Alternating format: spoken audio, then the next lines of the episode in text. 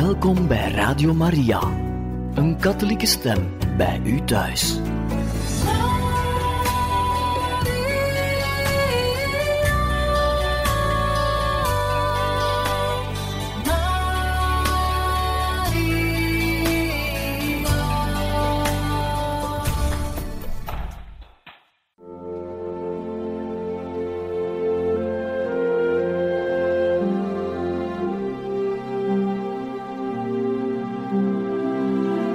Beste luisteraars van Radio Maria, welkom bij het programma Catechismus.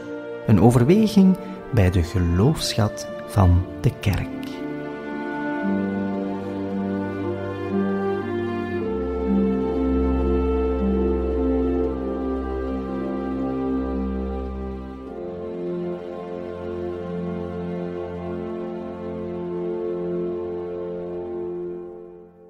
Welkom, beste luisteraars, in het programma Catechismus. U kan vandaag verder luisteren naar de catechese-reeks gebracht door Salvatoriaan Pater Michel Copin. Hij heeft het in deze reeks over zending vanuit de Heilige Schrift. Vandaag begint hij met het leven van Jezus. Beste luisteraars, wij zetten onze reeks verder, waarbij wij op zoek willen gaan naar de bijbelse funderingen, grondbeginselen, de bijbelse voorbeelden van wat zending, wat roeping kan zijn, van missie. We hebben hierbij al een hele weg afgelegd. We zijn begonnen bij de figuur van Abraham. We hebben ons verder gezet bij de grote bevrijder van zijn volk, Mozes, om dan te zien hoe dat koning David werkelijk verandering zal brengen in het leven van een godsvolk, een gevestigd volk zal maken, om dan verder te gaan naar de tijd van de ballingschap, tijden dat het godsvolk de band met zijn God verliest en waar profeten proberen de, deze band te herstellen. Wij keken naar de grote profeet Elia, wij hadden het over de profeet Jesaja, om tenslotte te eindigen met profeet Jeremia. Met die reeks van een vijftal voordrachten sluiten wij onze zoektocht in het Oude Testament af om vandaag te starten met wat het Nieuwe Testament ons te bieden heeft, om vanuit de Bijbel, vanuit de Heilige Schrift, proberen onze zending, onze missie te ontdekken. Ook vandaag wil ik met een gebed beginnen.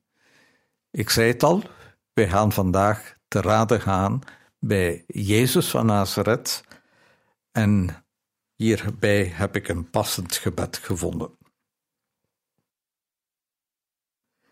Laat mij de Vader zien zo vroeg Filippus, Heer, die reeds zo lang met u mocht leven. Laat mij de Vader zien, is ook de vraag van mijn onwetendheid.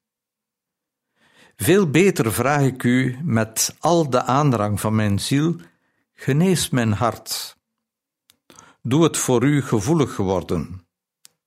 Ontsluit mijn ogen, dat ik u zien mag in geloof dat ik in u de Vader zie. Amen. Ik zei het reeds. Vandaag gaan we op zoek naar welke de zending is van Jezus. Welke zending heeft hij van God, van zijn Vader, meegekregen?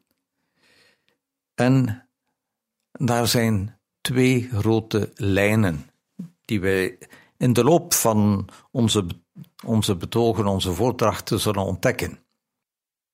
Voor eerst, Jezus is door de Vader Himzelf geroepen en gezonden. Gezonden om een woord van bevrijding uit te spreken naar de mensen toe, gezonden om mensen te genezen. Een heel mooie opdracht. Een opdracht die niet zomaar uit de lucht is gevallen, Een opdracht die Jezus zelf heeft moeten zoeken.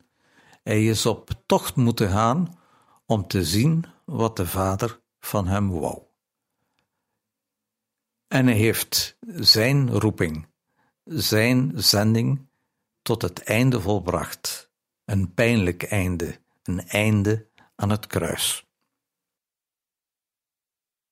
Beste luisteraars, de roeping van Jezus is niet zomaar uit de lucht gevallen.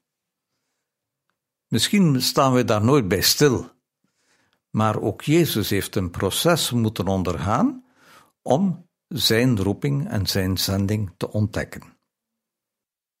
Wat Jezus gemaakt heeft tot de persoon die wij vandaag kennen, is een hele reeks van ervaringen die aan zijn openbaar optreden voorafgaan.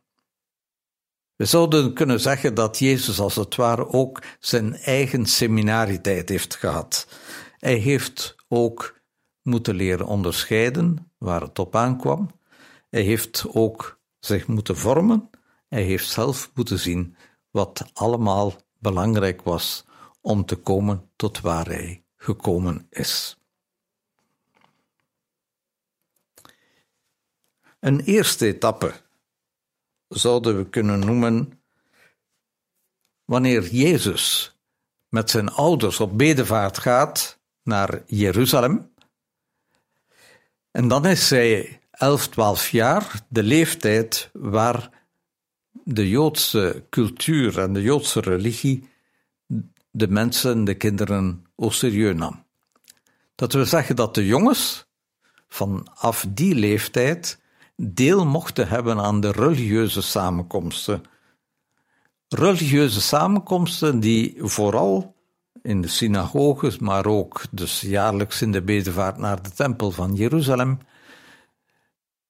waar jonge jongelingen vanaf twaalf jaar ook een deel van, van de Heilige Schrift, de profeten of de wetteksten of de historische teksten, mochten lezen en hun eigen interpretatie mochten aangeven. Misschien gebeurt dat te weinig bij ons.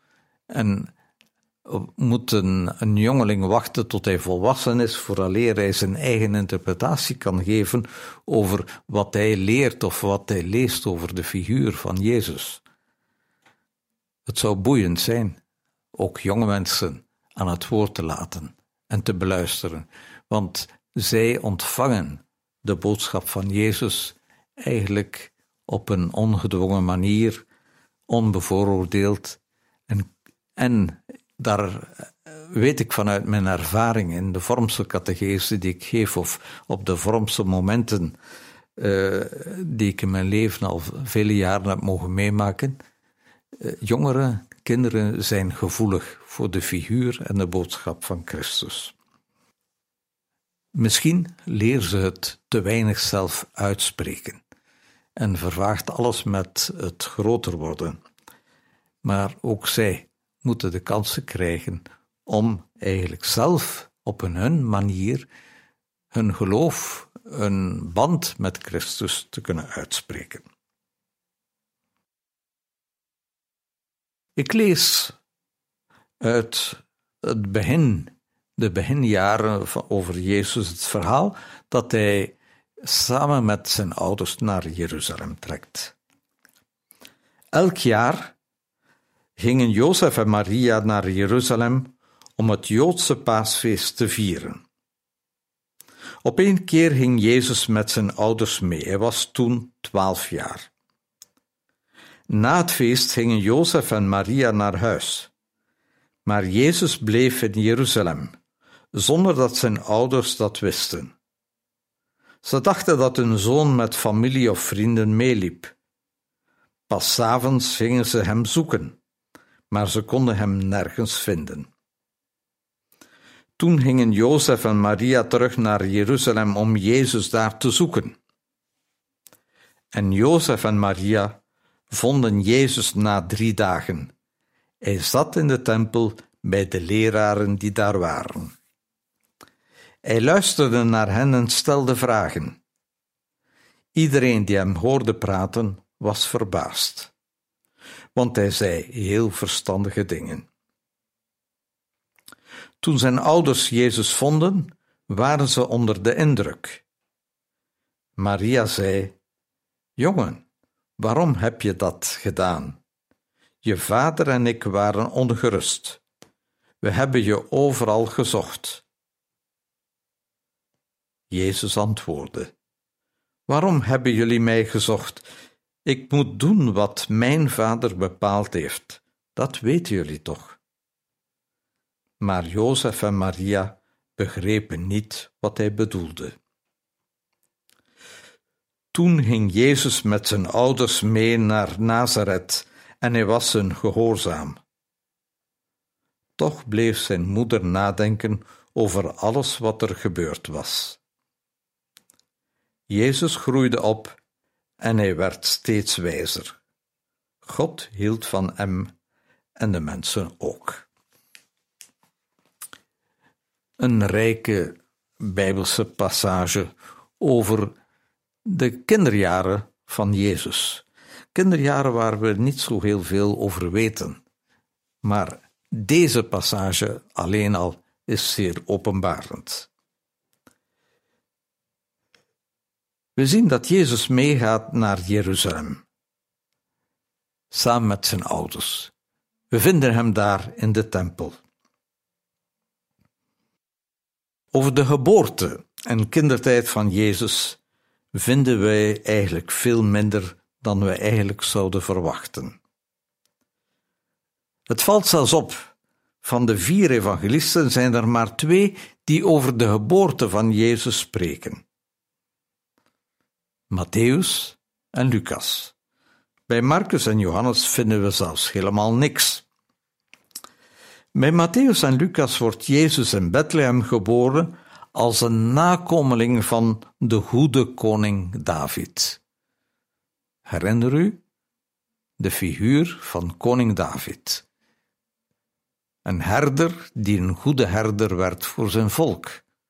Een koning die als een herder optrad en zorgde dat zijn volk niks tekort te kwam. Bij Matthäus komen er wijzen uit het oosten om Jezus te bezoeken. Vreemden, niet-Joden. Matthäus trekt van in het begin al het verhaal en de zending van Jezus open. Jezus is er niet alleen om de heilsboodschap van zijn vader bij de Joden te brengen, maar ook bij de vreemden, bij mensen met een andere godsdienst, mensen met andere bezorgdheden. Zij trekken eerst naar Jeruzalem, de stad waar de religieuze en politieke leiders woonden, en dachten daar Jezus te vinden. Ze verwijzen zo op die manier reeds naar de plaats waar Jezus ter dood zal veroordeeld worden. Jezus zal op de religieuze en politieke plaats bij uitstek geen gehoor vinden. Daar zal zijn boodschap in slechte aarde vallen en wordt het de stad waar hij het leven zal laten.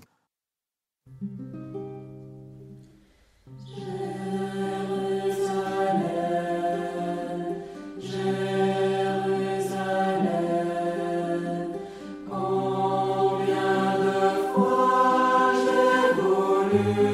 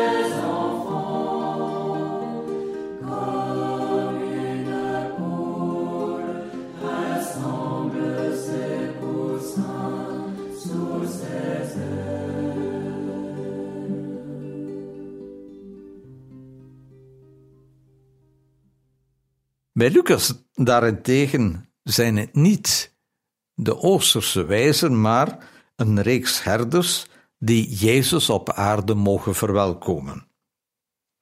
Herders die in die tijd beschouwd werden als het uitschot van de samenleving, juist zij zijn goed genoeg om Jezus met open armen te ontvangen.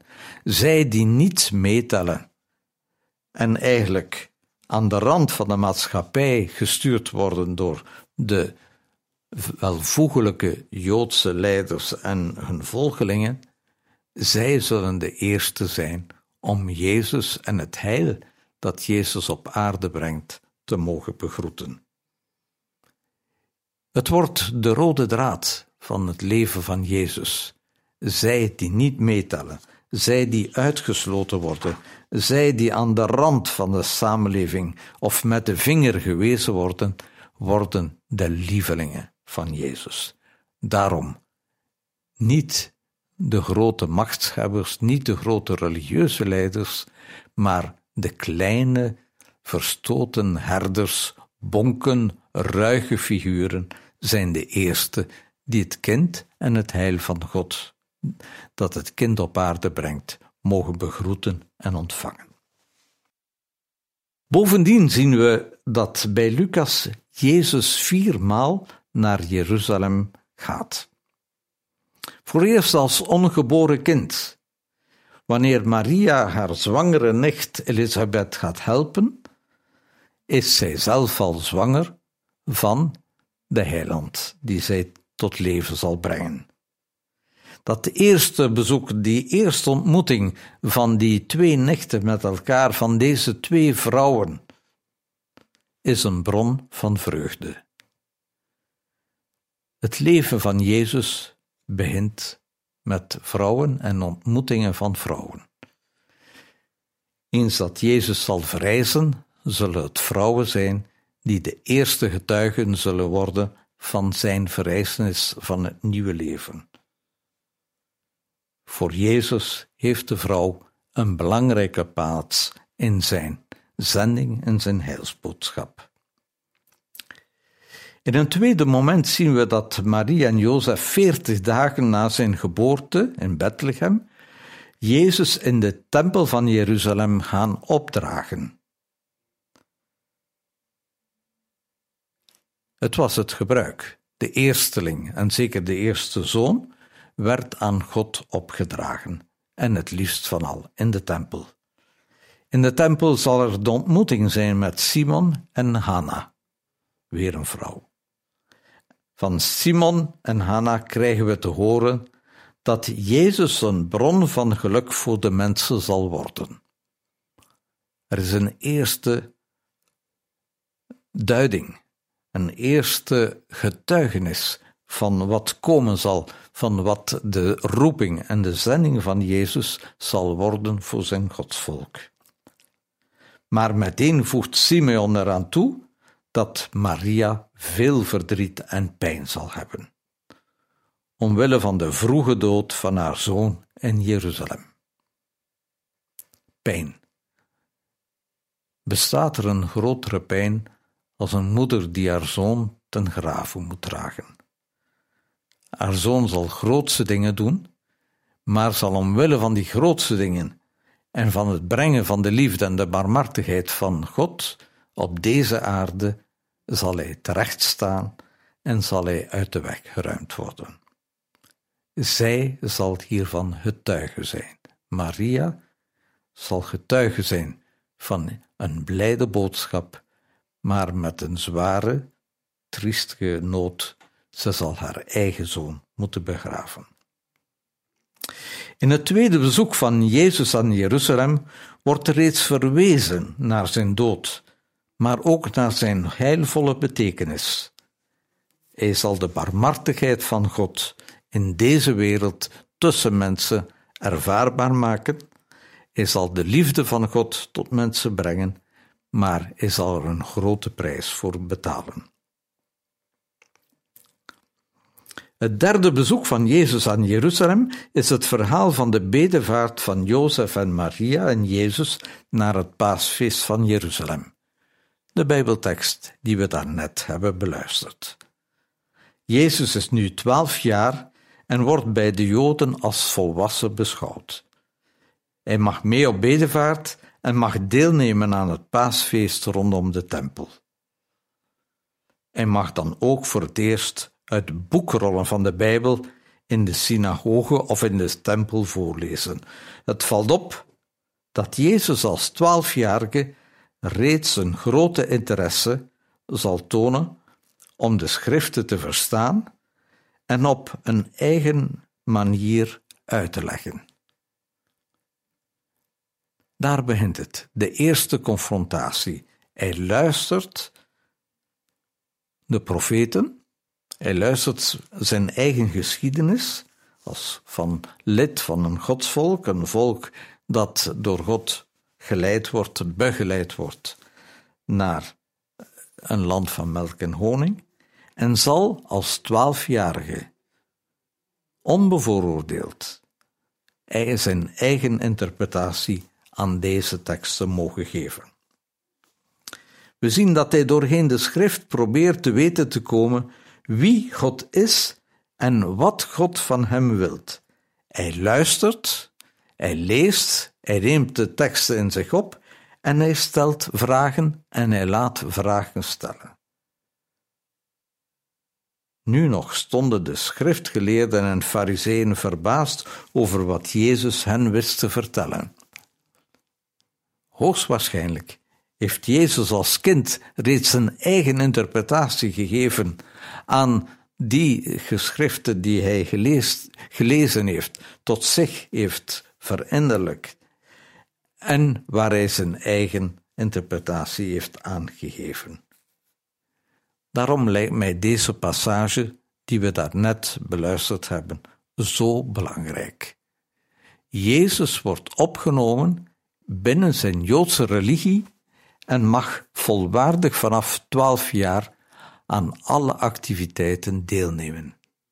Hij mag spreken met gezag, omdat vanuit zijn leeftijd, vanuit de gebruiken, het is niet alleen de priesters, niet alleen de hoge priesters, fariseeën en schriftgeleerden die het woord mogen zeggen, elke gelovige Jood mag vanaf die leeftijd zijn eigen interpretatie geven aan de geschriften, aan datgene wat hij leest, tot zich neemt en zelf wil verstaan.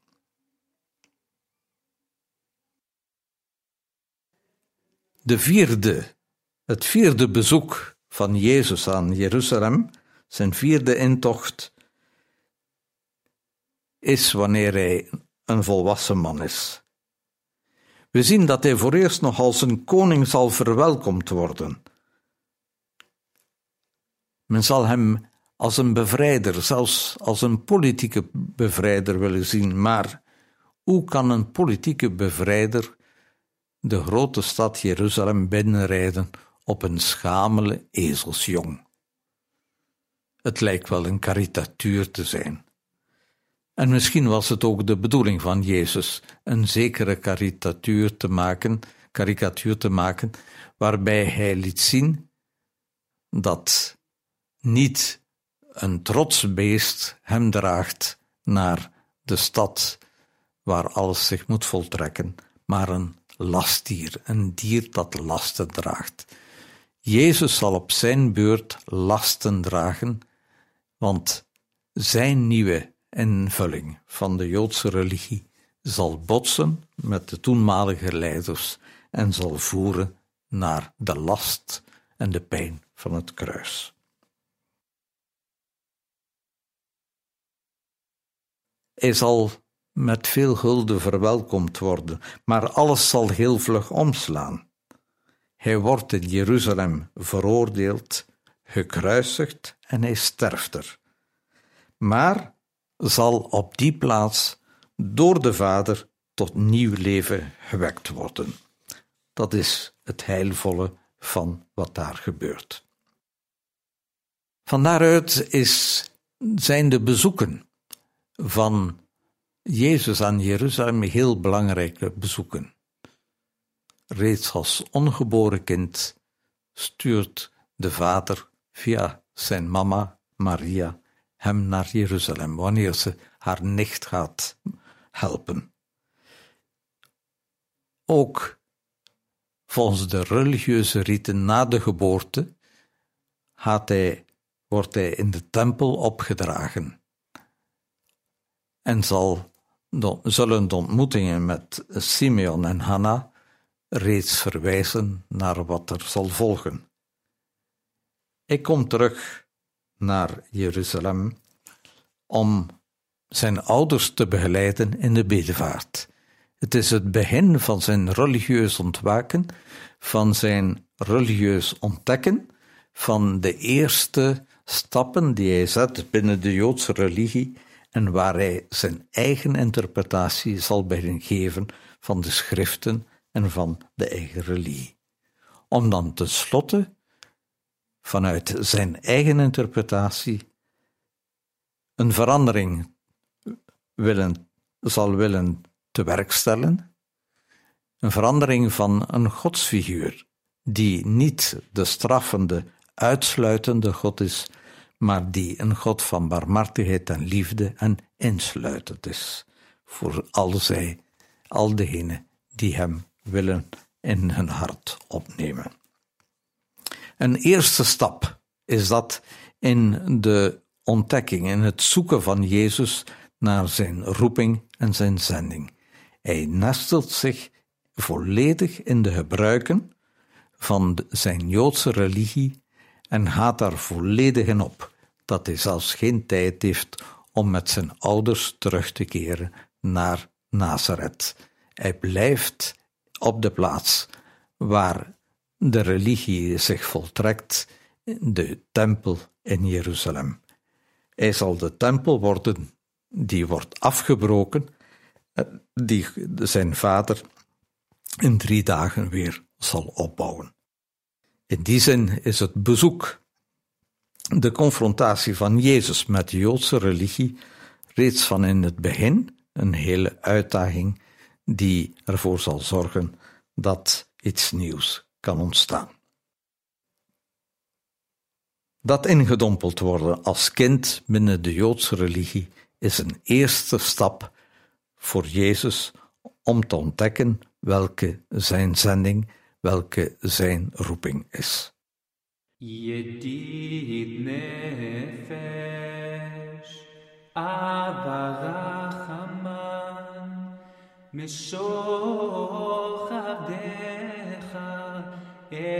רצונך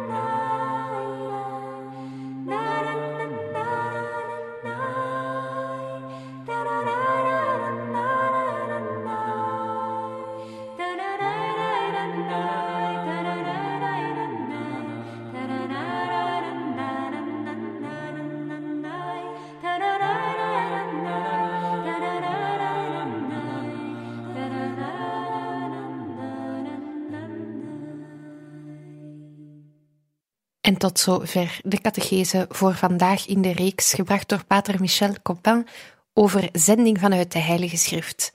Radio Maria wenst u nog een mooie dag toe.